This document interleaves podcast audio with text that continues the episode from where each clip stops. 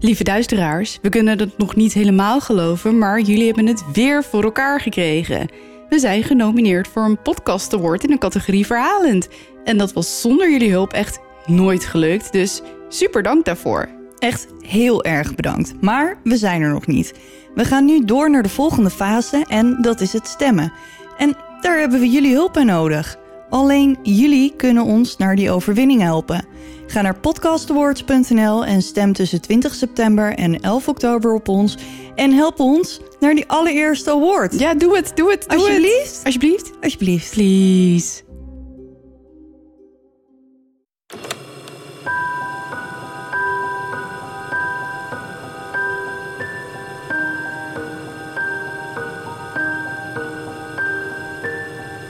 Dit is Duister.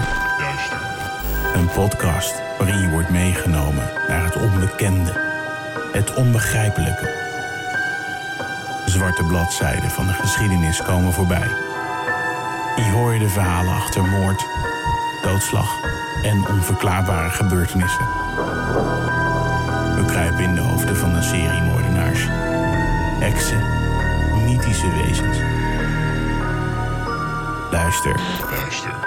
En huiver. Naar duister. Hallo, lieve duisteraars. Hallo.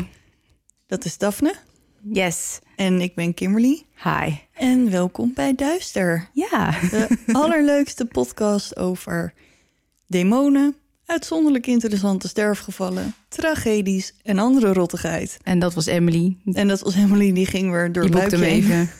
even. dus je wil vast wel horen. Ja, die denkt, oh god, ze beginnen Oh, weer te daar ging ze praten. Ja. ze beginnen weer te praten, dus ik ga maar snel Ja, naar buiten doei. toe. Ik heb helemaal geen zin in. Nee. Hoe is het met jou? Ehm, ja, wel, eh, wel goed. Het is nu eh, een week geleden dat de poes eh, doodging. Dus we missen haar wel heel erg. En Het is een beetje stil. Ja. Maar ehm, ik was gisteren met de anderen naar de dierenarts, want die begon ook ineens. Maar ehm, ik had dezelfde dierenarts als vorige week. En die zei, nou, maak je niet druk. Er is niks aan de hand. Nou, gelukkig maar. Ze heeft een beetje ontstoken eh, luchtpijp, maar dat is het. Dus nou, gelukkig. Geluggig. Emily is een beetje Emily is verkouden. gezond, gezond verklaard. Dus als iemand, eh, iemand hoort hoesten, wij zijn het niet. Maar Nee. het is Emily, die heeft een verkoudheid te pakken. Ja. Ja, we hebben nu wel een heel leuk gedeelte deze, deze week. Want we gaan de winnaars bekendmaken van de Creamy Box. Ja, ik weet dat heel veel mensen heel erg graag willen winnen. Want Ja. jullie hebben allemaal superveel leuke berichtjes gestuurd. En wat hebben we gedaan? Ik heb een, ehm, een app. En daar hebben we al jullie namen in gekopieerd. En als ik dan op een knopje druk, dan gaat er een rad draaien. En daar komt dan de winnaar uit. Yes. En ik ga nu, bijna, nog één tel, op het knopje drukken. Hij draait, hij draait, hij draait, hij draait langzamer. Nog langzamer. En de winnaar is... Tamama74. Nou, gefeliciteerd Gefeliciteerd. met je Creamy Box. Ja, je bent de eerste. Yes. Oké, wil jij de volgende op het knopje drukken? Ja, ik heb begrepen dat ik geen keuze heb, maar dan moet Nee. je wel even naar mij toe komen. ja wacht even, ogenblikje. Wacht, het stond tussen mijn tenen. We zitten op anderhalve meter afstand. Dus Wacht, gooi hem. Oh nee. Goed, nou, who's up for round two? let's go. Hier Druk gaan op die we. knop. Het eh, draait. Hij draait echt hysterisch. Oh, we zijn er bijna. Het is geworden... Hoe? Mariska Ak, denk ik. Mariska Ak. Of Mariska Ak. Dan Dat ook weet ik nog. niet. Gefeliciteerd met je, met je creamybox. Yay. Maar nu hebben we nog eh, eentje te verloten. En ik ga een speciale gast hiervoor vragen Oeh. om op het knopje te drukken. Spook, zou jij voor ons op het knopje willen drukken? Voor de laatste, de Voor derde laatste winnaar. derde winnaar van dossier As, alsjeblieft. Nou, daar gaan we. Bedankt, Spook. En de derde winnaar is Verna Terhorst. Oh, gefeliciteerd. Gefeliciteerd, Verna. Jij krijgt, Jij krijgt ook, ook dossier as. Nou, hartstikke leuk. Iedereen gefeliciteerd. Bedankt voor het meespelen. Ja, en bedankt uh, Ik hoop dat jullie er heel veel plezier van hebben. Laat even weten wat je ervan vond. Oh ja, dat vind ik ook heel erg leuk om te horen. Ja, Of eh, dus- iedereen het net zo leuk vond als dat wij het vonden. ja en of je er uiteindelijk een moordenaar hebt gevonden. Dat is natuurlijk heel belangrijk. Dat is zeker belangrijk. Dus dat horen we graag. Ja.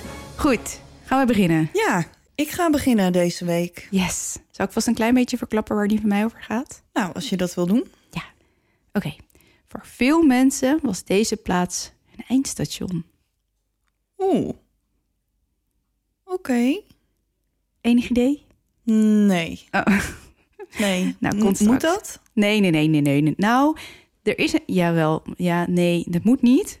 Maar Het kan wel. als ik het zo meteen vertel waar het over gaat... dan krijg jij instant rillingen. Oké. Nou, ik ben benieuwd. Ja, Ik ehm, ga aan die van mij beginnen. Ja, als je het doe niet maar. erg vindt. nee, vind ik niet erg. Nee?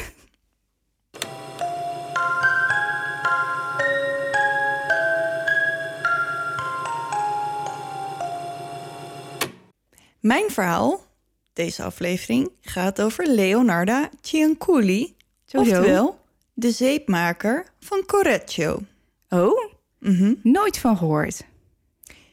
Even t- voordat ik begin, hoe is het met je ochtendmisselijkheid? Nou, die is wel grotendeels weg, moet ik zeggen. Oké, en hoe sterk is je maag? Eh, die is altijd heel sterk, maar als ik zwanger ben, dan heb ik een beetje maagzuur. Oké, nou, ik hoop dat jij en onze lieve duisteraars een sterke maag hebben. Oh voor dit god, nou verhaal. dat belooft wat. Ik Oké. ben benieuwd. En we beginnen in april 1893, want dan wordt Leonarda Cianculi geboren in Montella, Avellino, Italië. Montella is een piepklein plaatsje in een van de armste provincies in het zuiden van het land. Haar moeder, Emilia Dinolfi of Marano, dat ligt aan de bron die je leest. Oh, hè? Ja, de ene, het ene artikel zei Dinolfi en de andere zei Marano. Oké, Dus apart. het is een van de twee, denk ik. Of misschien heet ze wel heel anders. Meisjesnaam, Nee, want ze oude naam? Nee, misschien? want ze is getrouwd met een Cianculi. Huh? Nou, maakt niet uit. Daphne, je bent me nu al kwijt, maar de moeder van Leonarda, ja? Ja? Die heet Emilia, Ja? ja? En die heet dus of Dinolfi Ja, ja, ja, ja, dat snap of ik. Marano. Ja, precies. Oké. Emilia was het slachtoffer van een ontvoering en verkrachting door een man genaamd Mariano Cianculi. Ja, ja, oké. Oké. In die tijd was het blijkbaar heel normaal om dat te doen. En, Oh. en vrouwen gingen nooit naar de politie. Ja, dat eh, gebeurde gewoon. Hm. En Maar we daardoor... zitten, we zitten in 1893. Ja. Maar dat is nou niet echt een tijd... We zitten niet meer in de middeleeuwen of zo. Nee, maar het is nog wel... eh, Ja, het blijkt daar dus gewoon een traditie te zijn. Oh, Ja. leuk. Maar daarna werd Emilia in het dorp met de nek aangekeken... omdat iedereen wist wat er gebeurd was en iedereen sloot er buiten... omdat ze niet geassocieerd wilde worden met iemand zoals zij. Uiteindelijk blijkt ze zwanger van Mariano... en om haar eer te herstellen in de ogen van het dorp... en die van de wet trouwt ze met Mariano. En weet je waar dit me aan deed denken, die traditie? Ik keek vroeger wel eens naar ehm, My Big Fat Gypsy Wedding... Mhm.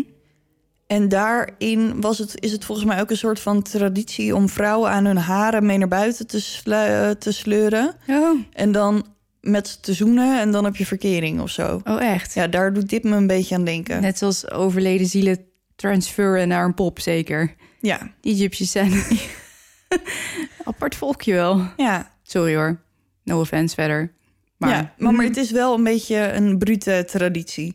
nou, b- een beetje. Ja, best wel brute traditie helemaal. eh, als het niet bij haren trekken blijft.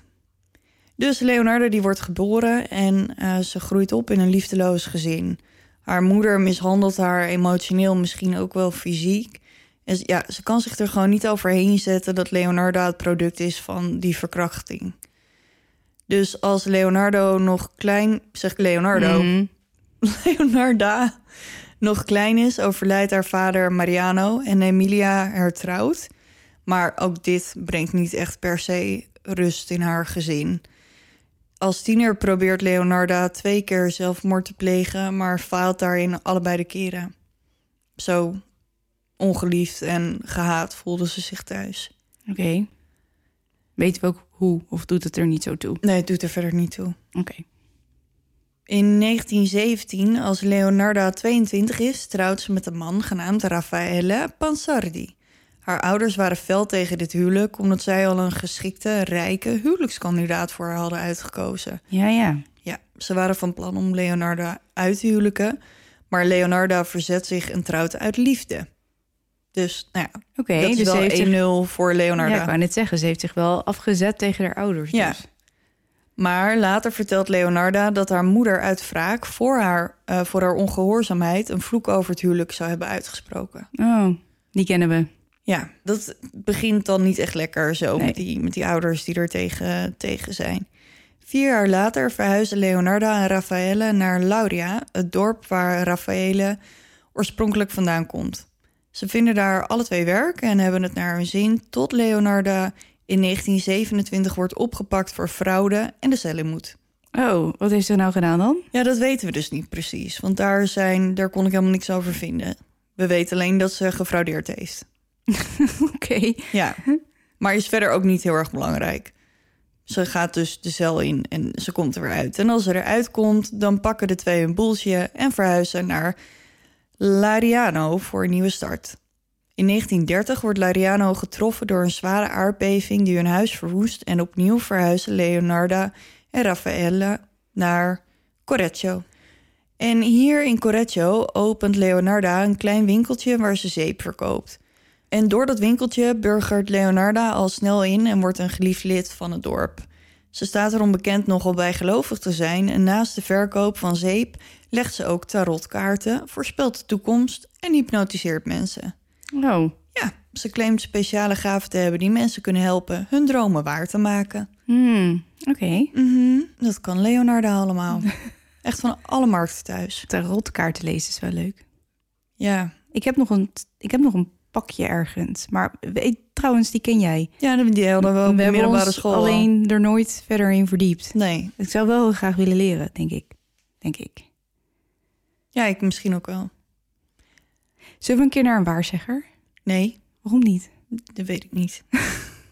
Nee, nee, nee, luister maar. Oh, Dit wil je niet. oh. Want zelf heeft Leonarda ook wel eens een waarzegster geraadpleegd. Meer dan eens zelfs. Als Leonarda jong is, vertelt een waarzegster haar dat ze zou trouwen en kinderen zou krijgen, maar dat al haar kinderen zouden overlijden. Oh, gezellig. Ja, en als ze haar handpalm door een ander laat lezen, vertelt deze haar in je rechterhand zie ik de gevangenis, in je linkerhand een crimineel gesticht. Hm. Ja, dus het, het tweede nam Leonarda niet heel erg serieus. Wel dat eerste over dat ze zou trouwen en kinderen zou krijgen, maar die zouden niet blijven leven. Want Leonarda en Raffaele krijgen tijdens hun huwelijk 17 kinderen. Holy man. Drie keer krijgt ze een miskraam. Tien kinderen sterven jong. En vier kinderen overleven. 17. Jeetje, ik vind twee al veel. Ja, 17. Wow. Ja, dat is niet weinig. En hoeveel miskramen? Drie? En Drie tien miskramen? sterven er? Ja, Hoe die kan je sterven dat- allemaal jong. Hoe kun je nou tien keer je eigen kind begraven? Ja, weet ik niet. Wat bizar. Ja. Ja, dus er overleven er uiteindelijk vier. Maar ik weet dus zeg maar niet of, of kind, weet ik veel, één blijft leven... en dat ze er dan zes niet krijgt en dat er de dan volgorde eentje... is niet helemaal duidelijk. Nee, of dat ze er vier achter elkaar krijgt die wel allemaal blijven leven en de rest allemaal niet. Maar uiteindelijk Maar ik kan blijven me voorstellen dat als je drie keer, je, je drie keer een kind wegbrengt en je krijgt daarna niet meer nieuwe kinderen, dat je denkt, nou, die vloek is lekker uit, of die, die, eh, die die voorspelling vloek, is lekker ja. uitgekomen dan. Ja. ja. Dan gaan we naar 1939, aan het begin van de Tweede Wereldoorlog.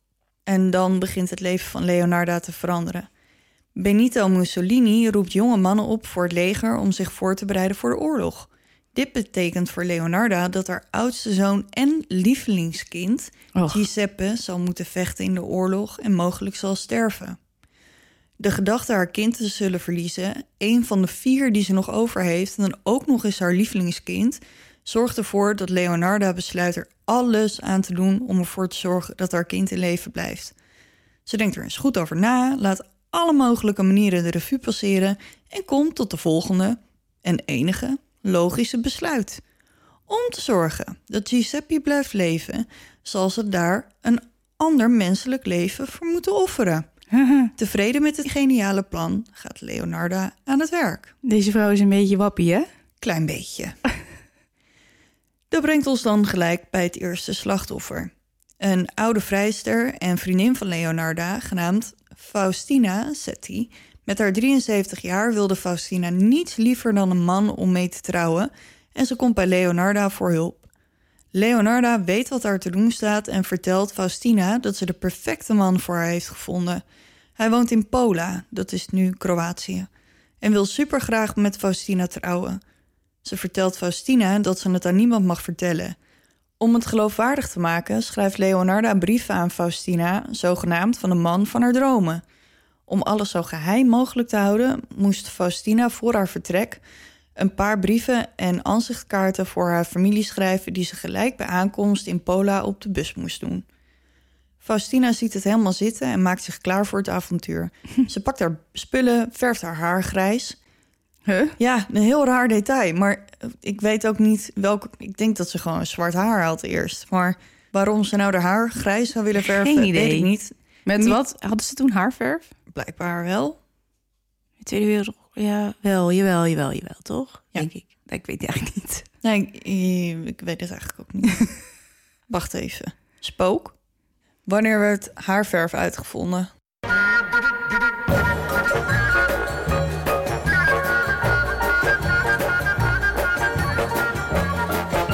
Oh. dus, het bestond al bij de Romeinen. eh, ja. En 1600 nog iets hoorde ik ook nog voorbij komen. Dus, ja, nou, in dat- 1907 werd dan synthetische ja, haarverf. door L'Oreal. Ja. Nee, beetje, dat is beetje toch- van de dag. Dat is toch ook leuk? Ja, hebben we ook weer uit de wereld geholpen. of erin. Het is maar hoe je het bekijkt. precies. Goed. En door. Ja. Dus als Faustina die komt Leonarda nog, eh, nog één keer opzoeken. Ja, gedag zeggen. Gedag zeggen en bedanken voor deze geweldige kerel die ze aan haar haak heeft eh, geslagen. En Leonarda die denkt, nou, dat vieren we met een lekker glaasje wijn. Wat Faustina echter niet weet, is dat Leonarda een slaapmiddel in de wijn heeft gedaan. ja, dat was te verwachten natuurlijk. Ja. Ja. eh, Als Faustina buiten Westen is, slaat Leonarda haar dood met een bijl en verbergt haar lichaam. gezellig. Ik was nog niet klaar. Oh. Later hakt ze het lijk in negen stukken. Jeetje, negen? Waarom negen? Dat weet ik niet. Tijdens haar rechtszaak in 1946, spoiler alert, ze wordt dus gepakt. Ah. Legt Leonarda uit wat ze daarna met het lichaam doet. Ik lees het even voor. Ja, ik denk dat ik al zo'n flauw vermoeden heb. maar, ga- maar vertel het vooral even. Oké, Lees het even voor. ja, Leonarda zegt dit. Ik gooide de stukken in een pot. Deed er 7 kilo bijtende soda bij die ik had gekocht om zeep te maken. en- 7 kilo? 7 kilo. En bleef in het mengsel roeren tot de stukken opge- oplosten in een dikke, donkere brei... die ik in verschillende emmers schonk en in de nabijgelegen septic tank leegde. Wat betreft het bloed dat achterbleef, ik wachtte tot het gestold was... liet het uitdrogen in de oven, vermaalde het, mengde het met bloem, suiker en eieren... en ook een beetje margarine. Ik kneedde alle ingrediënten samen... Van dit mengsel maakte ik knapperige koekjes en serveerde ze aan de dames die op bezoek kwamen. Nee joh. Ja, Giuseppe en ik aten er ook van. Wat? Deze vrouw is niet goed. Nee, die is niet helemaal goed, nee. Dat heb jij goed gezien. Hoe kan je nou bloed in de oven doen? Ja, dat wordt dus, want het is natuurlijk nat, dus dan droogt het uit en dan blijf je dus over met een soort van bloedpoeder. Bloedpoeder? Ja. Ik heb hier echt allemaal nog nooit van gehoord. Ja, maar je hebt, en denk er maar over na, je hebt bijvoorbeeld ook bloedworst. Dat wordt ook gewoon met varkensbloed en zo gemaakt. Ja, dat is wel waar natuurlijk. Maar dat is waarschijnlijk geen bloedpoeder. Maar Nee. Nou ja, ze droogde het en ze maakte er lekker koekjes van. Ja, lekker. Ja, en ik heb ook nog even opgezocht wat eh, bijtende soda precies is. Ja? Ehm, en ik kwam een hele hoop scheikundige dingen tegen waar ik helemaal niks van snapte. Maar wat ik ervan begreep is dat het een oplosmiddel is... dat bijvoorbeeld gebruikt wordt om hout op te lossen. En daar wordt dan weer ehm, papier van gemaakt. Maar waar het ook voor gebruikt wordt, is tijdens het maken van zeep. En als je het gebruikt voor zeep in combinatie met water, zorgt het ervoor dat de oliën die je gebruikt worden omgezet in zeep. Ja, ik snap het wel. Ja, het is gewoon een chemisch proces. Dan. Ja, dus olie wordt zeep door soda. ja, precies. Even kort door de bocht. Ja, nee, ja, nee, ik snap hem. Oké, verder met de moorden. Eén moord was voor Leonarda namelijk niet genoeg. Ze was er- Hoezo? Ze moest toch één leven voor haar zoon? Nee, nee, nee, nee, nee. Ze Ze had was, de er niet... smaak te pakken van die koekjes. ja, ze was er gewoon niet van overtuigd dat één offer haar geliefde Giuseppe zou beschermen. Trouwens, Dus trouwens, even. hè. Waarom heeft ze een lievelingskind? misschien is dit de oudste, Ja, maar, dat, de eerste Maar- die overleefd heeft. maar je houdt toch van allemaal evenveel? Ik weet het niet, ik heb geen kinderen. Jawel. Oh ja, ik heb één kind en de tweede is onderweg. Dus, maar goed, ik denk jij, nee. Ik kan me niet voorstellen dat ik er één liever vind dan de ander. Dat nee, kan maar en dan gewoon heeft niet. ze er ook nog eens een keer vier. Maar Giuseppe is het helemaal. Oké, Ja, ik, ik heb het ook niet bedacht. Dat moet Nee, je bij nee. Eh, Leonarda zijn. dan verdien je ze niet meer, denk ik. Of wel, leeft ze nog? Nee, dat kan Nee, niet. nee, nee. Nee, dat kan die is er niet meer. Dus nee, één was niet genoeg. Er moest een tweede slachtoffer komen. En slachtoffer nummer twee vond ze in haar eenzame buurvrouw Francesca Soavi. Francesca was een lerares van 55 jaar oud en op zoek naar een nieuwe baan. En hoe toevallig, Leonardo weet precies de juiste baan voor Francesca. Een baan op een eh, school voor meisjes In Pola. in Piacenza. Ze vertelt Francesca hetzelfde als Faustina. Je moet het wel geheim houden, anders gaat het niet door. En ook haar laat ze brieven schrijven voor haar kennissen die ze op de post moet doen op de dag van haar vertrek, zodat niemand er tegen kan houden. Oké, maar in welk jaar zitten we ook weer? We zitten in even Zitten kijken. we na de, nee, voor de oorlog nog? Ja. Maar mensen waren toch echt niet meer zo naïef dat ze hier intrappen, zo'n trucje? Tuurlijk wel. Toch? Het is 1939 trouwens. Ja, maar ik kan me niet helemaal voorstellen dat iedereen denkt... oh, ze schrijft een brief en ze is weg. Nou ja, die zien we dan weer terug. En die is gez- gelukkig met- op haar nieuwe school. Ja, maar ze kiest natuurlijk wel voor vrouwen waarvan ze weet dat ze eenzaam zijn en niet per se hele naaste innige familie. Hm, ja, dat is wel een beetje waar. Op de dag dat Francesca vertrekt, komt ze bij Leonarda langs en ondergaat ze hetzelfde lot als Faustina. Ze krijgt de wijn met drugs en wordt doodgeslagen met een bijl en later in negen stukken gehakt. Nee, wat heeft ze toch met die negen stukken? Ja, maar ik heb dus serieus ma- al mijn lichaamsdelen zitten te tellen. Dus je hebt twee armen, twee Je hoofd. benen, een hoofd, dan zit je op vijf. Je voeten? Zes, Kan. zeven En je handen?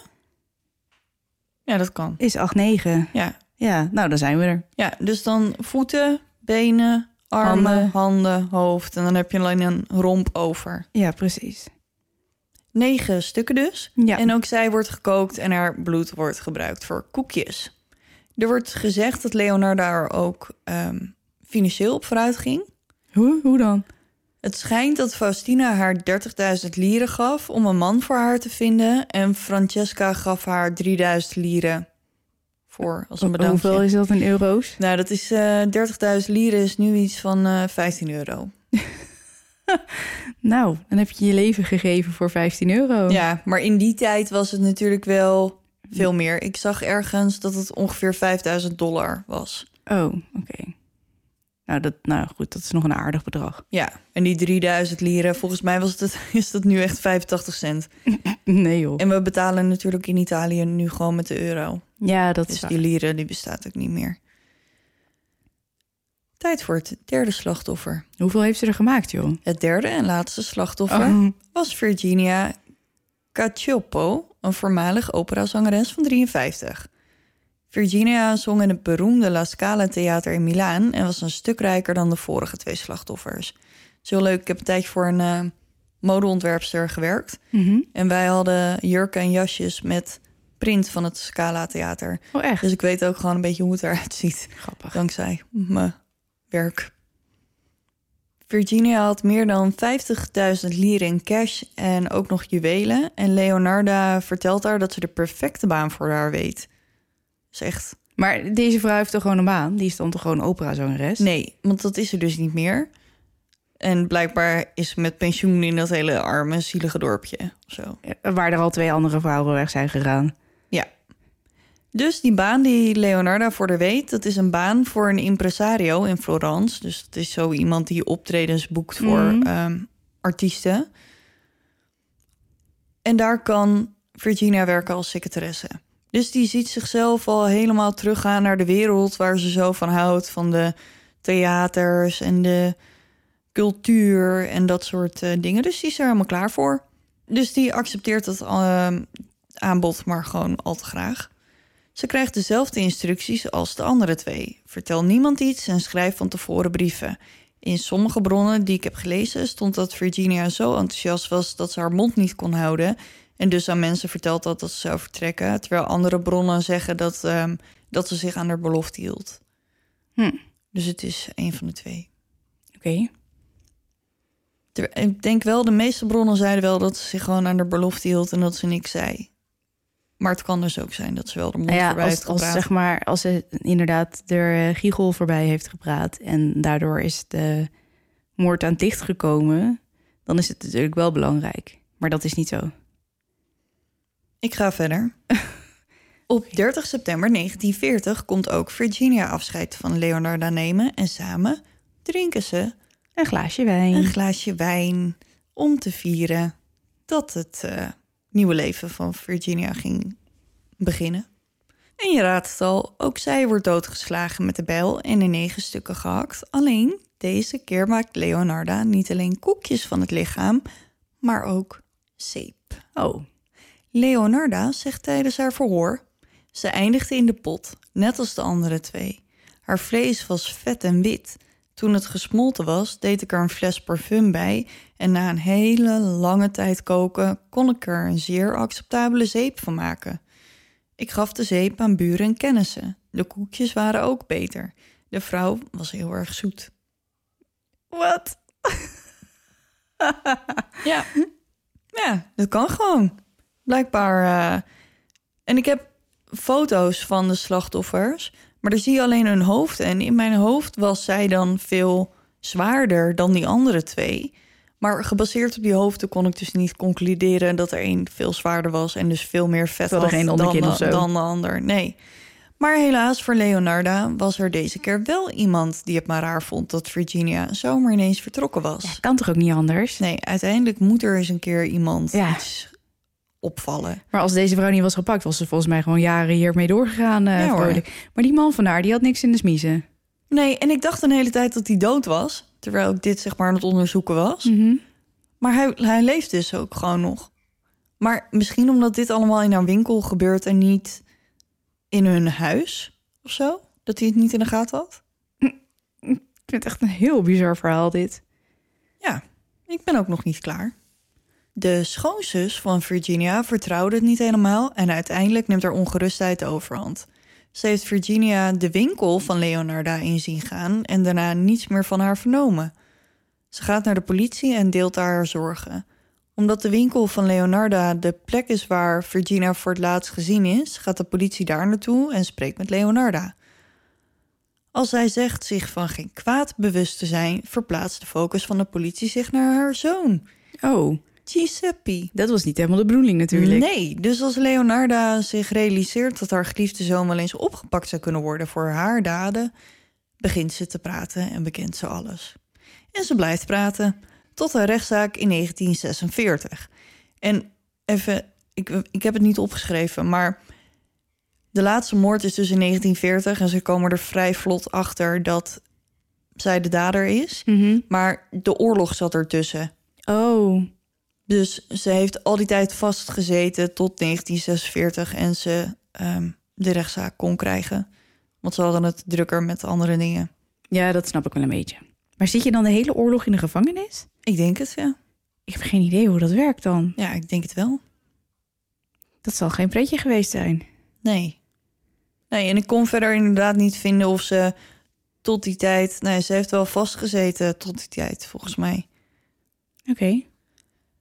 Want terwijl ze vastzit, schrijft ze haar memoires... Oh, tuurlijk. Ook Ja. nog Nou, even. genaamd De Bekentenissen van een Verbitterde Ziel. Nou, ze, heeft wel, ze heeft dat- wel zelfinzicht. Ja, ik wou net zeggen, dat was ook wel een beetje. Ja, En in dit boek beschrijft ze de beste manieren om een menselijk lichaam in zeep te veranderen, inclusief recepten. Tuurlijk. Ja. Voor iemand die het ook graag eens even zou willen proberen. Ja, je kan het maar nodig hebben. Nou, nee, denk ik. Nee, denk ik ook niet. Maar ja, blijkbaar is er een markt voor. Ik maak liever een soepje. Ja, en ik kijk wel eens filmpjes op YouTube over mensen die zeep maken. Want op de een of andere manier is dat dus heel rustgevend.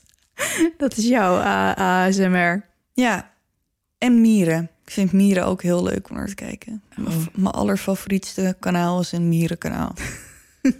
Echt waar. Iedere keer als ik denk dat, je, dat ik je ken, komt er weer iets nieuws op te proppen. Ja, ik zou ook echt het allerliefste mierenkolonie willen hebben. Maar dat kan niet, want ik kan ze moeilijk iedere keer dat ik verhuis mijn mierenkolonie meenemen. Moet je ze eten geven? Ja, je moet ze wel eten geven. Maar dat is iedere dag? Of? Ligt eraan hoe groot je kolonie is. Dus nee, Nee. ik heb besloten om het niet te doen. Oké. Maar goed, zeep maken is dus op zich best een rustgevende bezigheid. Ja, ja. Dus ik snap dat mensen dat zelf willen maken. Oh, daar gaat M weer. Komt ze of ging ze? Deze ging, denk ik. Oh, lekker rustig. Terug naar de rechtszaak. Ja. Tijdens de rechtszaak beschrijft ze kalm en onaangedaan wat ze met haar slachtoffers gedaan heeft en vertelt ook vol trots dat ze haar land heeft gediend, want ze heeft de koperen lepel waarmee ze het vet uit de pot schepte aan het leger gedoneerd omdat ze metalen tekort kwamen. Ja, ja. Ja, dus daar was ze blijkbaar helemaal, dacht ze, ik heb mijn land geëerd en geholpen. Deze vrouw heeft echt totaal niet het idee dat ze iets verkeerd heeft gedaan, volgens mij. Nee.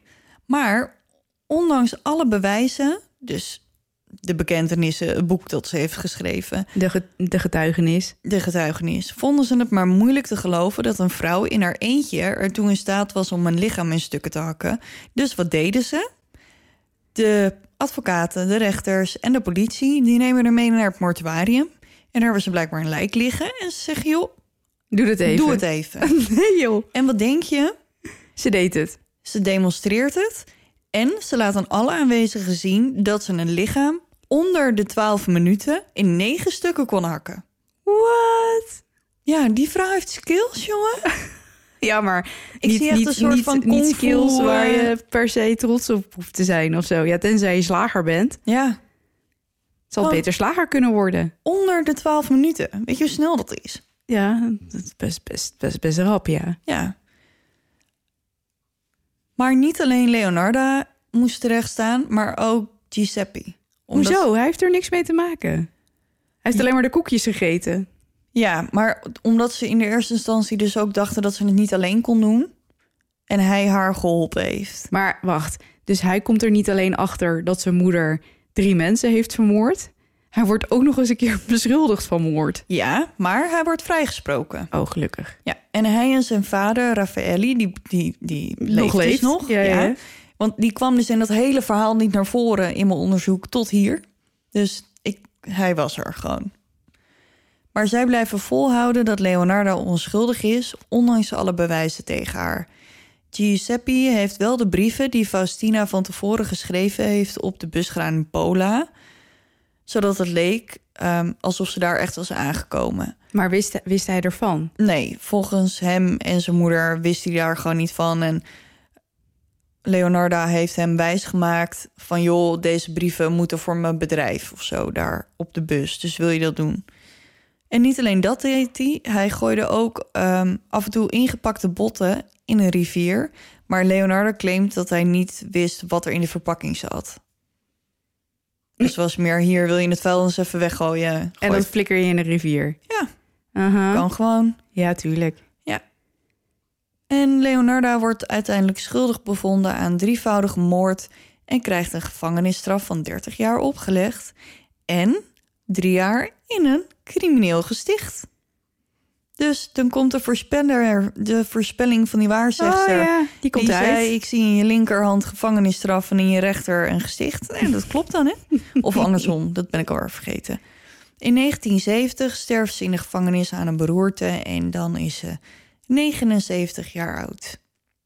79 jaar oud. Dus die vrouw die heeft nog 30 jaar lang met dit geleefd. Ja. Zonder, heeft ze, sp- had ze spijt of niet? Nee. Nee.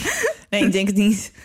Nee, ze heeft niet nog een boek geschreven om zeg maar te vertellen dat ze, Spijt had. dat ze spijt had. Ja, en Giuseppe, ik heb foto's ook van de rechtszaak waarin eh, ja, Leonarda en Giuseppe gewoon naast elkaar in de rechtbank zitten. En als dan Leonarda de straf te horen krijgt, dan zie je, dan heb ik een foto van Leonarda die Giuseppe echt heel erg hard knuffelt en zo. En dan gaat ze weg. Maar oké, ik vind... Voor goed. Ja, voorgoed, ja. Ja, en dan heb ik nog een leuk weetje. Nou, Mocht je nou nog een keer in Rome zijn, dan kan je langs het Criminologisch Museum. Want daar staat alles wat met de zaak te maken heeft tentoongesteld. nee joh. Ja, waaronder de pot waarmee ze haar slachten, waar ze haar slachtoffers in kookte. Ja? En de bijl waarmee ze ze in stukken hakte en Oh, messen tuurlijk. en zo. Echt? Ja. Oh, grappig. Nou ja, grappig. Kan je daar gewoon bekijken, als je daar benieuwd naar bent.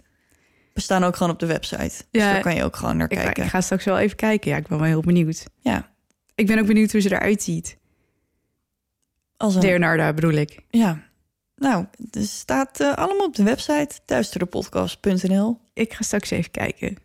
Dus dit was mijn verhaal van deze week. Nou, het is een- ik vind hem heel grappig of zo. nou ja, het is natuurlijk niet heel grappig voor de slachtoffers, maar het is zo bizar. Ja, Nou ja, ik- dat ik, je ook zie in één gewoon keer- zo'n zo'n vrouwtje boven zo'n pot zo een beetje neurieën. Tududu, Ik ben hier een lijk ja aan het dat is een koken. sprookje met zo'n... eh, Ja. met zo'n- En dan gaan de koekjes uit de oven en dan denkt ze, "Hmm, dat ruikt lekker. En dan, eh, oh liefje, wil jij een koekje? En dan ja. ziet helemaal voor me. ja, en dus die serveert ze ook gewoon mensen die in de winkel komen en zo. En, Weet je, volgens mij is ze dan super vriendelijk in de winkel. En ja, dan want achter ze was staat ook ze echt heel populair. Staat ze, ja, staat ze heel vrolijk een lijk te vermoorden. En lijkt te vermoorden. Dat is Ja, wel een beetje dubbel ik zeg het en toen dacht ik, wacht, dit klopt niet. Nou ja, een mens te vermoorden en een lijk in stukken te snijden. Ja. Ik zie het gewoon helemaal voor me. Ja, ik heb wel een beetje medelijden ook met haar. Want ja, ze, dat, haar moeder heeft natuurlijk nooit van haar gehouden. En ze wilde zelf zo graag kinderen. En dan gaan er dertien dood. Dan heb je er nog vier over. Dus die heeft natuurlijk gewoon zo'n mentale klap daarvan gehad. Ja. Ja, dat is natuurlijk wel een beetje zo. Ja. Nou, goed. Klaar voor de mijne? Ja, Oké, gaan we beginnen. let's go.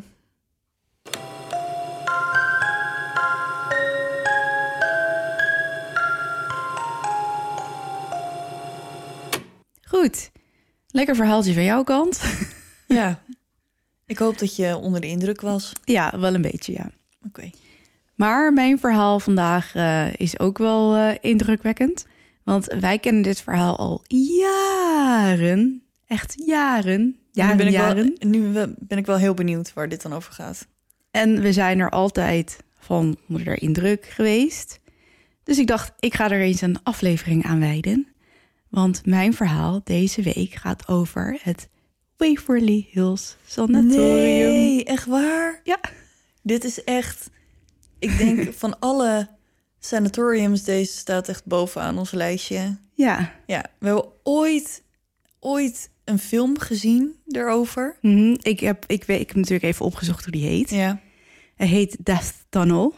Oh ja. En dat gaat dus over dat sanatorium. En toen Klopt. wisten we dus nog niet, dat is gewoon fictie. Dus toen wisten we nog niet dat er ook, dat het gebaseerd is op waar gebeurde Precies. spoken. Ja. Eh, nou, het Waverly Hills Sanatorium dus. Wat is nou precies een sanatorium? Ik dacht, ik ken dat woord al heel lang en ik dacht, nou, ik weet het wel. En ik denk dat de meeste mensen dat ook wel weten, maar voor wie het niet weet, In mijn hoofd is de betekenis een groot gebouw zonder ramen. eh, ja, dat klopt, want je omschrijft nu het Waverly Hills. Maar ik heb het idee dat alle sanatoriums geen ramen hebben. Eh, nou, ik weet niet of ze allemaal dat hebben, maar daar komen we later op. Oké, Waarom je dat zegt met geen ramen, dat heeft een reden, maar daar komen we straks op. oké. Oké.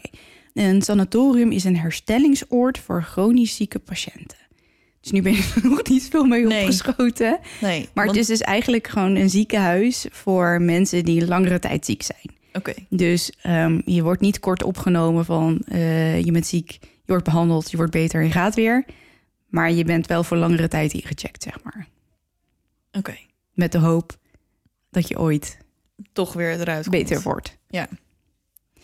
Nou, ehm, zal ik je een beetje over de geschiedenis vertellen? Ja, doe maar. überhaupt over wat daar dan voor ziekte behandeld werd. Het Waverly Hills. Nou, daar gaan we. In 1910 opende het twee verdieping tellende ziekenhuis haar deuren. Dit werden er uiteindelijk vijf. Vijf verdiepingen? Ja, Zo. in Louisville, Jefferson County, Kentucky. En even, wij hadden die film gezien en een paar jaar later ontmoette ik het spook. En zijn we naar Amerika op vakantie geweest. En we waren daar bij een vriend van ons in Ohio. En we gingen roadtrippen en we waren een paar dagen bij hem geweest. En we zijn gaan rijden. En op een gegeven moment stonden we ergens in het weet ik veel waar. Het was een beetje een verlaten plekje. En we stonden voor het stoplicht en hij reed. En ik kijk opzij en ik zie een bord met Waverly Hills Sanatorium. En ik dacht, Oh. no way, José, ik ben hier gewoon. En ik heb er helemaal niet... Het werd groen en we reden weg. En ik dacht, wat? Dit, eh, dit gaat veel te snel. We moeten hier stoppen. Ik moet daar naartoe. Maar ik, ik was zo bezig in mijn hoofd met dit processen... Ja. dat we gewoon er langs zijn gereden. Maar Ja. ik was daar. Ik had er naartoe kunnen gaan, maar ik heb het niet gedaan. Nee, en als je wel was gegaan, dan had je in je eentje gemoeten. Want het spook was zeker niet meer naar binnen gegaan. Nou, maar hij, toen wist hij nog niet helemaal de, geschied- de geschiedenis. Ja, maar zodra je één keer geest zegt, is het spook vertrokken. dan, dan kijk je nog naar zijn eigen geestverschijning, Ja. want hij is al lang gone, zeg maar. Oké, maar goed, Jefferson County, Kentucky dus. Begin 1900 werd Jefferson County geteisterd door een tuberculoseuitbraak, ook al de witte pest genoemd. Omdat het gebied omringd werd door moerassen, kon de bacterie die tuberculose veroorzaakt floreren door de natte omgeving. oh. Dat is waarom mensen met tuberculose altijd naar de bergen worden gestuurd. Daar is de lucht droger en dan hebben de longen minder moeite om Adem te halen. adem te halen, inderdaad. Eh, tuberculose is een infectieziekte die wordt veroorzaakt door de bacterie Mycobacterium tuberculosis. Ik hoop dat ik het goed zeg. Fancy. Het zal wel niet, ik ben geen arts. Deze bacterie veroorzaakt door het hele lichaam ontstekingen. De TBC-bacil wordt door hoesten en niezen overgedragen en kan zich in alle organen nestelen en daar ziekte veroorzaken, maar meestal zijn het dus de De longen. longen. Ja. Patiënten met een besmettelijke vorm van longtuberculose dragen de ziekte via de lucht over op contactpersonen. Personen met een latente infectie, dus wel de bacterie hebben, maar niet, Niet ziek de zijn, ziekte. precies, die kunnen de ziekte niet verspreiden. En vroeger sprak men over de tering in plaats van tuberculose. Oh, dus daar komt het vandaan. Ja. Dus krijgt de tering betekent eigenlijk krijgt tuberculose. Oftewel TBC. Ja, en eh, rond 1900 was het ook een beetje een mode-uitspraak, omdat veel eh, artistieke mensen, schilders en zo, die kregen dan tuberculose en die teerden dan langzaam weg. Dus dan Kregen ze de- de tering. ja, kregen ze de tering. Artsen stonden machteloos tegenover deze ziekte, waarbij mensen, aan, mensen dus langzaam wegteerden. De kans dat een patiënt aan tuberculose zou sterven was vrij groot. Vooral in de steden waar fabrieksarbeiders in armoedige huizen dicht op elkaar woonden, was de besmettingsgraad natuurlijk Ja. enorm. Men dacht in die tijd dat de ziekte erfelijk was. Het raadsel van de tering werd in 1882 opgelost door de Duitse arts Robert Koch. Hij toonde aan dat de ziekte niet erfelijk is, maar veroorzaakt wordt dus door een bacterie. Koch kreeg voor zijn ontdekking de Nobelprijs Zo. in 1905. Dus dat was in die tijd een echt een enorme eh, ontdekking. Want er zijn miljoenen mensen gestorven aan Ja. tuberculose. En niet alleen in de 18e, 19e eeuw, maar eigenlijk al worden er- eeuwenlang Ja. zwerft die ziekte al rond. Maar wij worden er nu toch tegen ingeënt? Eh, nee, maar er is dus wel antibiotica voor. Dus als je het krijgt, dan. eh, vroeger ging je er gewoon aan doodpunt. En nu is de kans op herstel wel v- m, vele malen groter. Maar ik las dus dat in armere landen. dat de bacterie helaas wel weer steeds vaker oprukt. Oh, Maar hier in Nederland komt het niet meer, v- bijna niet meer voor. bijna niet meer voor. Nee. Oké. En als het voorkomt, dan is het meegenomen uit een ander, Ander land. Oké, terug naar het sanatorium. Eh, de bouw begon in maart 1924 en ze opende haar deuren als uitgebreide versie, dus met die vijf. Vijf verdiepingen. Ja, op 17 oktober 1926. Het gebouw was ontworpen om plaats te bieden aan ongeveer 400 patiënten. Mensen met de diagnose TBC werden geïsoleerd van de gemeenschap en in een gebied geplaatst waar ze konden rusten en veel frisse lucht konden hebben. Want men dacht dat frisse lucht de oplossing was. Ja. Sanatoria werden dan ook vaak gebouwd op hoge heuvels, omgeven door vredige bossen en een- om een serene sfeer te creëren en de patiënten te helpen herstellen. Het moest Oké. allemaal heel Mhm. Kalm. kalm, Zonder Mm, en inspanning. rustig. Ja, precies. En sereen. En Ja. bossen met vogeltjes. Nou, dat werk. Waverly Hills was een op zichzelf staande gemeenschap. Het dankt zijn naam aan de voormalige eigenaar die eerst een school voor meisjes opende op het terrein en deze Waverly noemde. Het sanatorium was een klein dorp op zich, compleet met eigen postcode en postkantoor, een waterzuiveringsinstallatie en een kerkje. Het kweekte zijn eigen groenten en fruit en slachtte eigen vlees om de patiënten van verse producten te voorzien. Oh. Nou, dus klinkt best wel best het- luxe. Het was echt een wel een State of the art. eh, ja, het was helemaal gemeenschap. eh, ja. Iedereen bij Waverly, patiënten, verpleegkundigen, artsen en andere medewerkers werden geacht om permanent op het terrein te wonen. Eén keer per week mochten dierbaren op bezoek komen, maar alleen op gezette tijden. Regels waren streng in het sanatorium. Patiënten en verpleging moesten op gezette tijden eten en slapen. Rust, regelmaat en reinheid waren het devies. Ook was er een verplicht aantal zonuren voor iedere patiënt en werd er gedacht dat hygiëne een grote bijdrage had aan de genezing. Dat is op zich wel gelijk in. ja. Dus iedere patiënt moest twee keer per dag gewassen worden. Zo. Dus ga maar eens even 400 patiënten Ja. iedere dag Twee keer per dag wassen. twee keer per dag wassen. Maar wat dat betreft dat ze dachten dat hygiëne een van de oplossingen was. Dat was best wel slim. Ja, dat, ja, dat was wel vooruitstrevend gedacht, ja. Want helemaal als het via een bacterie gaat, dan, Mhm. ja, net als wat we nu hebben, handen wassen. Ja, zeker. Alleen die anderhalve meter hebben ze dan niet begrepen.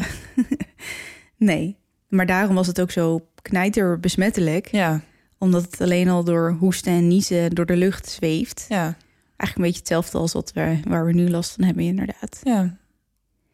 Oké, de faciliteit deed dienst als tuberculoseziekenhuis tot 1961. Toen de ontdekking van een antibioticum dat met succes TBC behandelde en genas, de faciliteit overbodig maakte. Het werd gesloten en in quarantaine geplaatst en vervolgens gerenoveerd.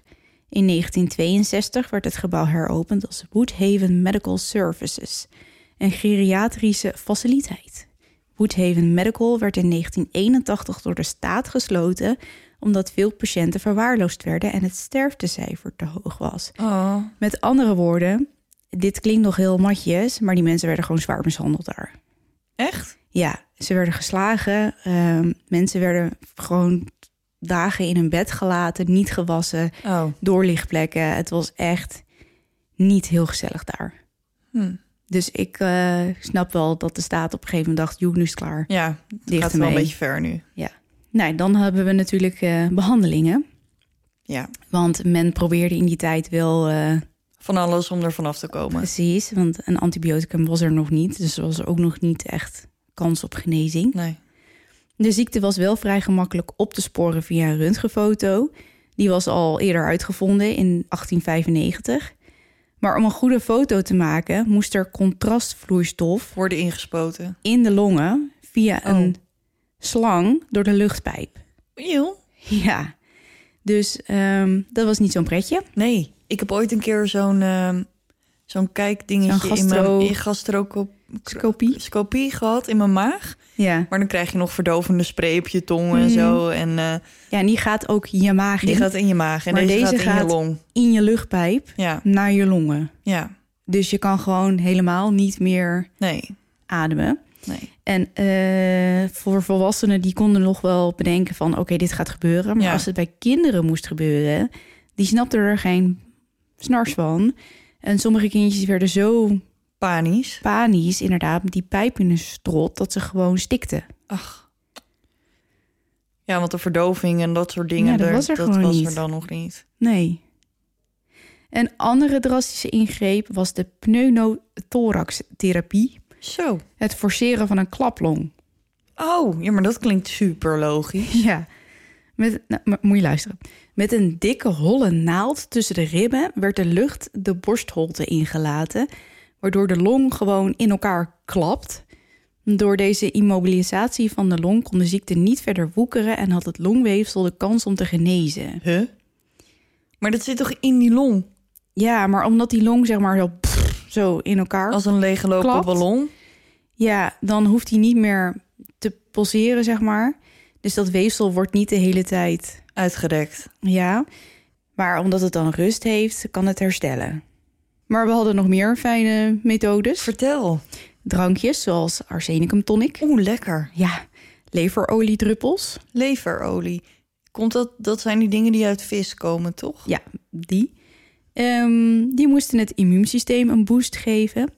Ook zou rauw vlees eten goed zijn voor de aangetaste organen. Dan denk ik, hè, het al wel. Ja, misschien omdat ze dan beter gaan aangroeien. Omdat je dan Ja, volgens mij heeft het met... testosteron binnenkrijgt. Nee, volgens mij heeft het met het eiwit in het bloed te maken. Dat kan ook. ik zeg ook maar wat. Eh, en zoals ik al eerder zei, geloofde men dat frisse lucht enorm bijdroeg aan genezing. Dus werden patiënten soms dagenlang buiten gehouden. Anderen werden in de winter voor open ramen geplaatst, terwijl de sneeuwvlokken op een bed vielen. Ja, ik weet foto's daarvan. Hebben we Klopt. wel eens opgezocht. Mhm. Dan liggen er gewoon bedden vol met echt een meter sneeuw erboven. Ja, Het is echt heel erg. ja, daarom zei je open ramen. Daarom dat, Oh, zei ik open ramen. dat klopt, want men dacht dus dat frisse lucht goed was. En of dat nou zomerlucht of een sneeuwstorm Sneeuw was, was allemaal prima. Frisse lucht was frisse lucht, dus Ja. je ging maar naar buiten. Eh, ijsbaden waren ook veel voorkomend. Deze zouden de bloedstroom stimuleren voor een betere bloedsomloop. En dat hadden ze goed gedacht, want dat klopt ook. Dat klopt ook wel, ja. Maar of dat bijdraagt aan genezing... Dat is weer een andere vraag. eh, En volgens dat mij wist was ik het ook niet zeg maar een dompelbad. Volgens mij Nee, moest je nee, dan echt nee. drie uur lang in zo'n bad Je zitten. ging echt... eh, n- je ging wel slecht, ja, als je daarin moest. Ja. Dat was niet, eh, Ik weet het niet naar de zwembad sauna even dippen en Ja. dan oh, snel weer verder. Nee, Ja. nee, nee, nee, nee. Dit was gewoon echt lekker mijn- blijven zitten. Precies. Nou ja, zoals, eh, zoals wel verwacht, eh, veel patiënten overleefden deze ziekte of de behandeling dus niet. Maar heb je dan alle be- behandelmethodes nu genoemd? Eh, dit zijn wel de meeste, dit waren de meeste opties, zeg Oké. maar. Want ik kan me ook herinneren, en ik weet niet of dat Waverly is geweest, maar in ieder geval een sanatorium, dat ze bakstenen op de borstkast van patiënten legden. Met het idee dat hoe meer druk erop lag, hoe harder de long moest werken om zich uit te zetten.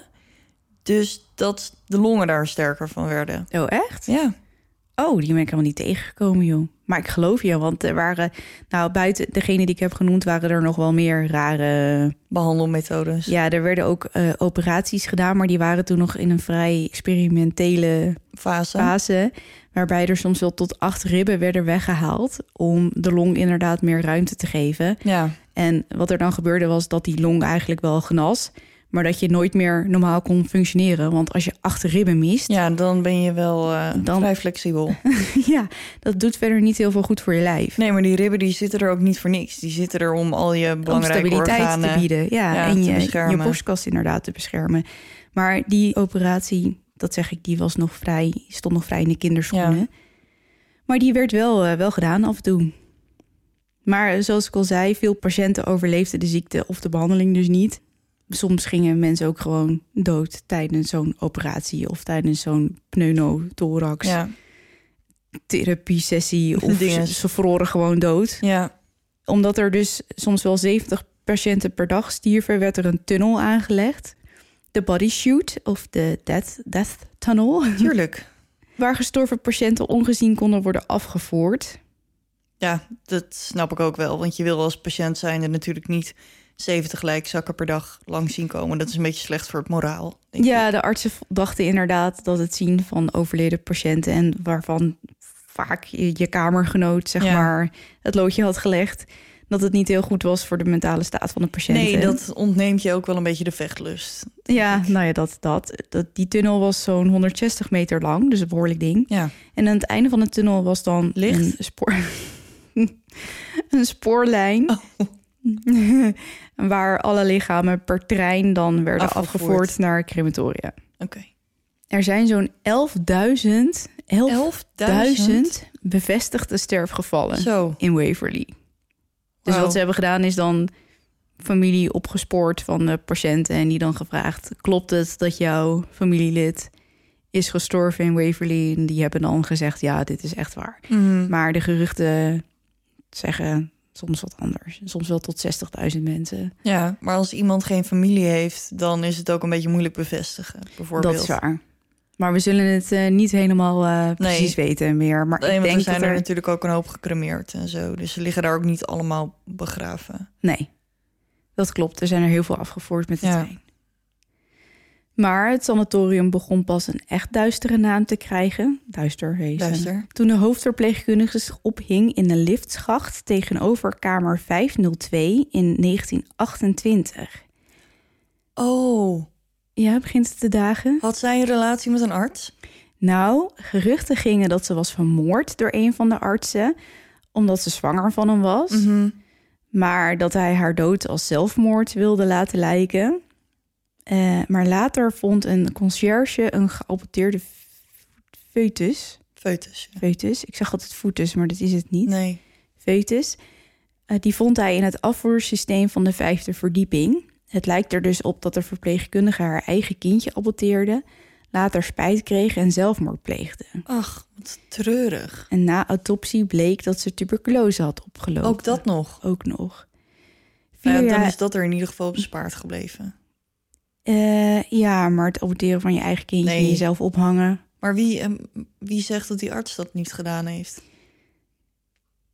Nou ja, dat weten we niet. Dat zijn geruchten. Ja, oké. Het is niet, er is nooit een onderzoek Bewijs, naar nee. gegaan. Want ze was natuurlijk al dood en ze was verhangen. Dus men dacht, nam Zelfmoord. eigenlijk een beetje aan Ja. dat ze het zelf had gedaan. Maar vier jaar later pleegde een andere zuster zelfmoord in kamer 502 terwijl ze zwanger was. Zij viel uit het raam. En de vraag is of ze viel of dat ze sprong. Of geduwd is. Dat kan ook. Maar dat weten we niet. Nee. Maar onze grote vriend Zack Bacon. Zack. Ik zat al op hem te wachten. Ja, hij nam een EVP op in kamer 502. En dan gaan we luisteren. En zou dit dan een van de zusters zijn die zich afvraagt of ze herinnerd wordt?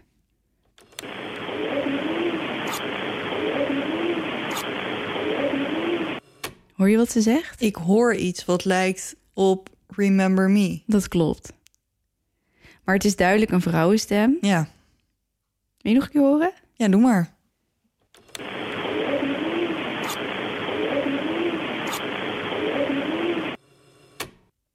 Als je het weet, hoor je wel Ja. Remember Me. Ja.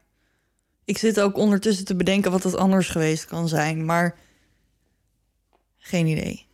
Ik ook niet. Maar als je, hij vraagt in het fragment heel erg duidelijk van... ben jij de zuster die zich ophing in deze kamer? Ja, En weet dat we, dat we je niet vergeten zijn. En daarna komt deze reactie. ja, Dus het lijkt wel heel erg alsof zij vraagt...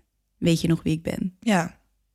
Oh, Maar ze namen nog een andere stem op. nog meer? Ja.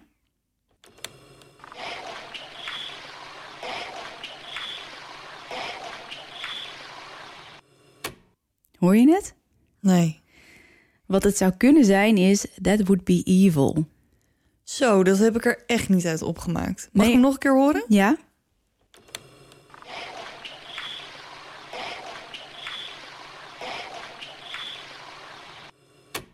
Ja, nadat je het gezegd hebt, hoor Ja. je het in één keer een stuk duidelijker. Maar dat, Maar is, dat altijd een beetje. zo.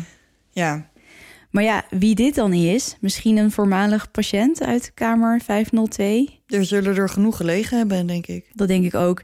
Maar men zegt dat in die kamer je een heel zwaar negatief gevoel krijgt. En dat het zou dan veroorzaakt zijn door de eerste zuster die zich ophing. Maar zij hing zich op in de liftschacht Tegenover de kamer. tegenover de kamer. En men denkt nu dat de andere zuster die uit het raam sprong viel, geduwd Ja. werd, dat zij misschien beïnvloed is door de geest van de eerste hoofdverpleegkundige. Oh, misschien zou de eerste zuster boos zijn geweest op de tweede zuster omdat zij wel een baby heeft van de arts. En zij niet. Nou ja, dat weten we dus niet. Nee. En maar het- het, is een mogelijkheid. Het gerucht gaat ook dat eh, die eerste zuster zich ophing in kamer 502. Maar dat is dus niet waar, want Nee, ze was gevonden in een lift. ja. En wat het nog treuriger maakt, is dat ze daar al een behoorlijke tijd Hing. hing. Ach. Zonder dat ze was gevonden. Plus dat het kindje, het overleden kindje, de afvoer verstopte. Dus eh, die lag er ook al een tijdje. Ja. Heel zielig. Nou, niet zo gek dus dat Waverly bekend staat als de engste plek op aarde... vanwege de vele paranormale gebeurtenissen die de bezoekers meemaken. Een van de meest angst- angstaanjagende ontmoetingen is dan ook met de doppelganger. Oeh. Doppelganger komt uit het Duits en betekent natuurlijk dubbelganger. Volgens legendes is het zien van je eigen dubbelganger een zeer slecht voorteken. Ik maak dit geluid en niet omdat ik mijn keel moet schrapen, maar ik zat al een keer te wachten tot je eigenlijk ehm, dit onderwerp gewoon als verhaal ging ehm, Doen. Oh, doen. Want om mijn eigen verhaal te delen. Maar ik moet even weten of ik dat dan. Heb nu jij je zal- eigen dubbelganger gezien? Ja. Niet. Ja. Echt? Weet je, dat, weet je het niet? nou, nee, ik kan me niet echt herinneren of zo. Jawel. Nou, vertel. Nee, wil je dat nu gelijk weten? Of zullen we dat doen als je gewoon dubbelgangers in zijn geheel behandelt? Eh, nou, ook, je, nou, doen we wel inderdaad in zijn geheel. Dan heb je, dan heb je wat te vertellen. Ja. Oké, eh, ik heb wel een ander verhaal. Want in het sanatorium blijkt dus een dubbelganger te zijn. Mhm. Gids Mike Flickner vertelt dat hij een groep rondleidde op de derde verdieping en dat een kleiner groepje nog even op de vijfde verdieping wilde kijken. Hij ging met hen mee zodat ze niet zouden verdwalen. Als het kleinere groepje na 20 minuten terugkeert naar de andere, zijn zij behoorlijk van slag. Ze vertellen dat ze Mike na een paar minuten zagen terugkomen, dat hij in de kamer naar hen heeft staan staren Eeuw. zij hem vroeg of alles in orde was en dat hij niet reageerde. En dat hij zich ineens omdraaide en wegliep. En daar sta je dan met je groepje in Ja. een beks sanatorium. Ja, Mike zegt natuurlijk meteen dat hij het niet was en dat ze waarschijnlijk zijn dubbelganger hebben gezien. En hierna breekt hij de tour af, want hij wil natuurlijk niet het risico lopen om zijn eigen dubbelganger Nee. tegen te komen. Zou Ik, ook, ik wilde zeggen, zit ik ook niet op te wachten. Maar nee, dat- maar jij hebt hem blijkbaar al gezien. Ik ben Ja. echt zo benieuwd. ja. Sorry dat ik het ben vergeten, denk ik. Misschien komt het terug als ik het vertel. Een ander fenomeen binnen Waverly is de Creeper. De Creeper is een demonische schaduwfiguur die vaak op het plafond zit of Enig. over de muur kruipt. Ach, wat leuk. Dan zien ze hem echt zo roet, zo over de muur. Als een spin. Ja. Eeuw.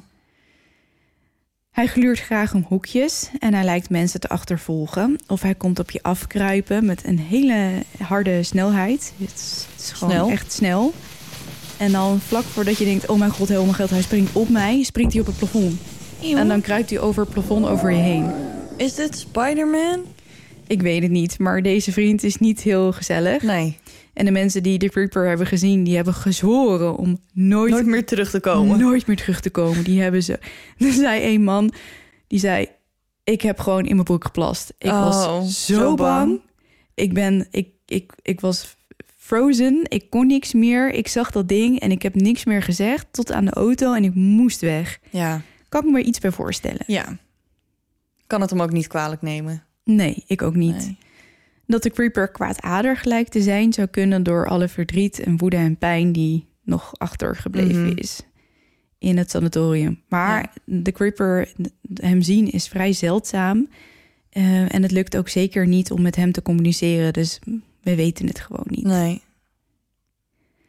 Dan hebben we ook nog Mary Lee. Een paar jaar geleden werd er op het terrein een foto gevonden met op de achterkant geschreven: Liefs Mary Lee. Mary Lee was een van de patiënten van Waverly. Zij kwam ooit als gezond kind met haar moeder mee, die als verpleegkundige werkte, maar kreeg TBC, waardoor ze werd opgenomen in het sanatorium. Ze stond bekend om haar knappe gezichtje en slanke lichaam. Sommigen denken dat Mary Lee de verpleegster was die uit het raam van kamer 502 viel, maar dit is niet waar. Een paar jaar geleden maakte een ghost hunter een foto op de vierde verdieping maar daarop een geestverschijning. En deze is echt heel erg interessant. Ik zet hem op de website, dan kun je Ja. het zelf zien. Maar nou, daar, is Emily. Maar als je goed kijkt, zie je een treffende gelijkenis met de foto die gevonden is van Mary op het terrein. Het donkere lange haar, het slanke lichaam. Het is gewoon, je ziet, je ziet haar. Ze staat in een deuropening en er staat een heel duidelijke mens. En die kijkt ook in de camera. En ik heb zo'n foto gevonden waarbij de foto van Mary in een soort van venstertje ernaast is gezet. Maar als je die naast elkaar ziet, dan denk je echt: wow, zij staat daar gewoon. Ja, ik ben heel benieuwd. Ja, ik snap ik. Je gaat hem zien. Ja, ja, ja. En dan hebben we nog Timmy. Dit is wel een beetje een triest verhaal. Maar hij klinkt heel klein. Het was ook eh, een klein jochie. Oh. Timmy was een kleine, gezonde tienjarige jongen die in Waverly Hills woonde. Zoals zoveel andere kinderen die daar woonden, was hij niet ziek, maar zijn beide ouders werden opgenomen met stadium 3 tuberculose. Dus als je niet, ja, als je ouders daarheen gingen voor langere tijd. Ja, en dan had je geen andere keus dan mee te gaan. Nee. Timmy had geen andere familie en ook geen plek om te wonen. De gezonde kinderen woonden allemaal samen in een ander gebouw, weg van de patiënten. Maar voor wat extra vermaak was er een speeltuin gebouwd op het dak van het ziekenhuis met genoeg ruimte om te kunnen rennen en te spelen. Maar ze zitten daar midden in het bos. Waar moet het op het dak? Ja, dat dak was heel groot en plat. Dus eh, en om dan de kinderen toch een klein beetje in de gaten te kunnen houden, hebben ze daar een speeltuin gemaakt. Ja, ja. Ik weet ook niet waarom. Oké. Timmy was extravert en veroverde snel het hart van een jonge verpleegster genaamd Mary Hilgard. Elke dag in haar pauze om twee uur speelden ze samen met de bal en kletsten ze wat op het dak. Timmy haalde graag grapjes uit met Mary en er ontstond een speciale band tussen de twee. Timmy's favoriete bezittingen waren een bal en een speeldoos in de vorm van een schatkist die zijn ouders hem cadeau hadden gegeven. Mary had Timmy al vaak gewaarschuwd voor het overmatig opwinden van zijn speeldoos, omdat deze erg delicaat was en zou kunnen breken. Maar Timmy was tien en een beetje eigenwijs. En hij wond het speeldoosje op en op een dag, ja, brak het. Maar Timmy droeg het zelfs nu het stuk was, iedere dag met zich mee. Dus het was Timmy met zijn bal, Timmy met zijn speeldoosje. Ja. Op een warme zomerdag, terwijl Mary bezig was met andere kinderen, rende Timmy achter zijn bal aan op het dak maar ineens sloeg het noodlot toe. Timmy struikelde en viel vijf verdiepingen naar beneden Dat bedoel ik. en overleefde de val niet. Waarom moet het op het dak? Je kan mij niet vertellen dat daar op dat hele terrein geen plek was voor een speeltuintje. Ja, nee, of ja, ik, zet er een hekje omheen. ik ben het met je jongens. eens. Ja, er was wel een soort van ophogingje. Ja. Maar ja, Ja. dat was zeg maar twee keer een stoep en dat was het. Maar er werd gewoon wel gezegd tegen de kinderen dat ze niet bij de rand mochten spelen. Maar blijkbaar, hij rende achter zijn bal aan en daar ging hij. Oh, Timmy. In het sanatorium vond een uitgebreid politieonderzoek plaats. Een patiënt met een behoorlijk slechte reputatie werd naast Timmy gezien, vlak voordat hij viel. Oh. De meeste mensen dachten dat hij werd geduwd, maar het politieonderzoek kon hiervoor dan weer niet genoeg bewijs leveren. Hm. Mary, die was diep bedroefd en vroeg Timmy's ouders of ze de kapotte muziekdoos mocht houden om hem te herinneren. Ze kreeg haar wens en nam de speeldoos mee naar huis. Ze zette het doosje op de plank in de woonkamer, zodat ze iedere keer als ze hem zou passeren Aan Timmy zou denken. aan Timmy zou denken, inderdaad. Weken veranderden in jaren sinds Timmy overleed en de herinnering aan hem begon te vervagen. Het maakte niet uit hoe hard ze zich de kleine jongen probeerde te herinneren, maar haar geest vulde zich met de honderd andere kinderen die ze sinds zijn dood had geholpen. Dus nou ja, ze probeerde het wel, maar Ja. het was natuurlijk ook een tijd waarbij we niet echt social media hadden. En dan Nee. dat je de hele dag nog iemand zou kunnen opzoeken. Nee. Dus, nou ja. Maar goed, op een dag tijdens het schoonmaken van haar kamer rond twee uur 's middags begon de muziekdoos ineens te spelen. Maar niet wel stuk. Ja. Ze rende er naartoe en opende de doos om hem harder te maken. De muziek vulde haar oren terwijl de tranen uit haar ogen stroomden. De muziek uit het kleine doosje maakte de vergeten herinneringen aan Timmy los, alsof er geen tijd was verstreken. Ze herinnerde zich al zijn grappen, hun gesprekken en de lachjes die ze Oh. samen deelden. Ineens was de kamer weer stil. Ze pakte het kleine doosje van de plank om hem op te winden, maar, Maar hij deed het niet. ja, toen herinnerde ze zich dat het doosje al jaren kapot was. Ze lachte en bedankte Timmy dat hij haar niet was vergeten en dat hij het haar niet had toegestaan om de speciale tijd die ze hadden gehad te vergeten. Dat vind ik echt heel zoet. Ja, toch? Ja. Ik dacht wel een beetje positief eindigen. Ja. Is dit het einde al? Dit was het al. Ik zat er helemaal in. Ja. Ja. Maar over Timmy nog even.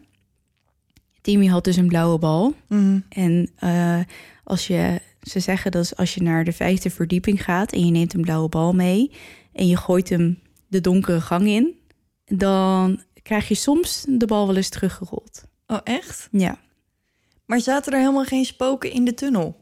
Want daar in ging de je al- Oh bodysuit. Ja. Ja, die zaten er wel, maar het is daar zo'n ehm, enorme wirwar aan stemmen. Dus je krijgt daar niet contact met één persoon, maar met een heleboel mensen. Oh ja, want iedereen zit daar in die tunnel. Ja, en de tunnel is wel heel eng. En het is natuurlijk een naar idee dat mensen door een tunnel naar een spoorlijn werden vervoerd Ja. nadat ze waren overleden. Ehm, maar ja, het was in die tijd gewoon een tunnel.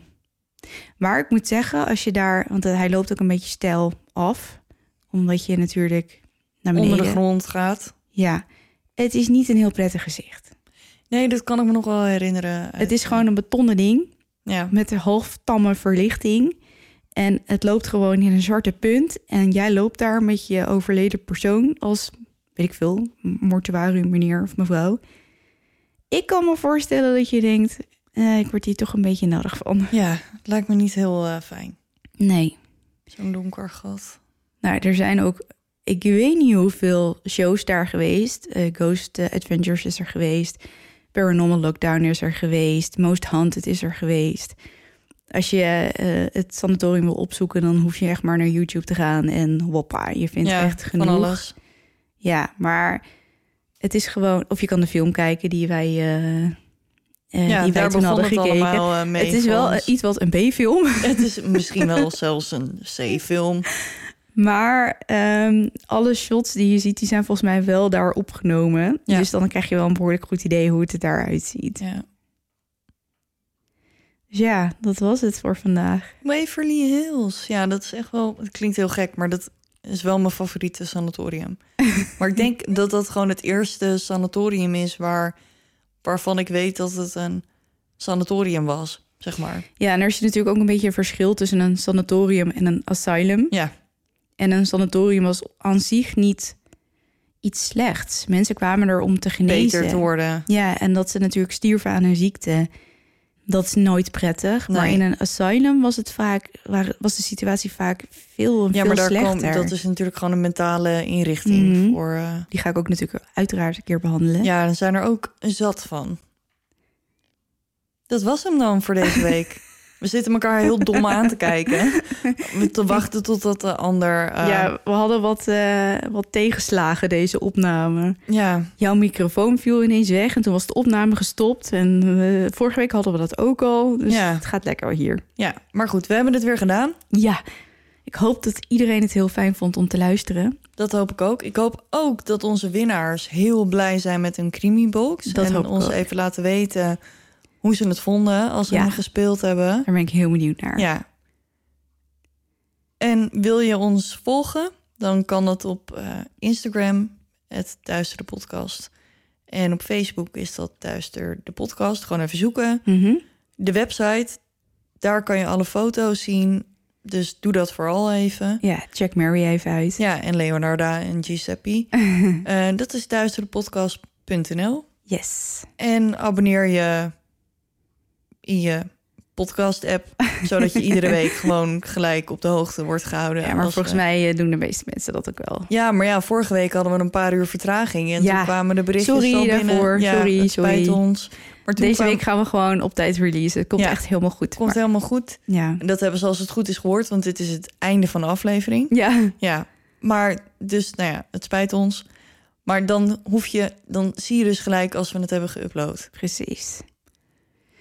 Weet je al wat je volgende week gaat doen? Nee, jij? Nee, ik weet, ik heb ook nog geen idee. Meestal heb ik wel van tevoren eh, een beetje bedacht wat ik wil gaan doen. Of dat ik ergens mee bezig ben. Dan denk ik, oh wacht, deze is ook tof voor een volgende. Ja. Maar dat is me nu nog niet helemaal eh, overkomen. Maar Ja. ik eh, ga ongetwijfeld eh, eh, vanavond in bed al mijn spooksites af. En dan kom ik wat tegen en dan denk ik, ja hoor, gevonden. Ja, ik heb dus een enorme lijst met iedere keer als ik eh, zelf een podcast luister of een YouTube-filmpje of gewoon op tv iets voorbij zien komen over een zaak die ik interessant vind, dan zet ik het op mijn to-do-lijstje. En eigenlijk kwam ik op mijn to-do-lijstje een zaak tegen die ik heel graag deze week had willen doen, want ik werd super enthousiast. Oh. Alleen in dat verhaal zat een element wat ook in de Hinterkaifeck-moorden Ah. zat. En toen dacht ik, Dat is een beetje Hmm. te veel. is misschien een beetje te veel herhaling. Dus ik heb hem doorgeschoven. Dus misschien dat ik hem dan voor volgende week doe. Ik denk niet dat mensen dat heel erg zullen vinden. Nee. Of misschien bewaar ik hem gewoon voor later. Maar ik weet dus nog niet wat ik nu ga doen. Maar Mm. goed, we hebben nog een week. Daarom. Komt wel goed. Nou, bedankt voor het luisteren. Tot volgende week, jongens. En onthoud, Blijf, blijf in het licht. want je weet nooit wat er in het duister op je wacht.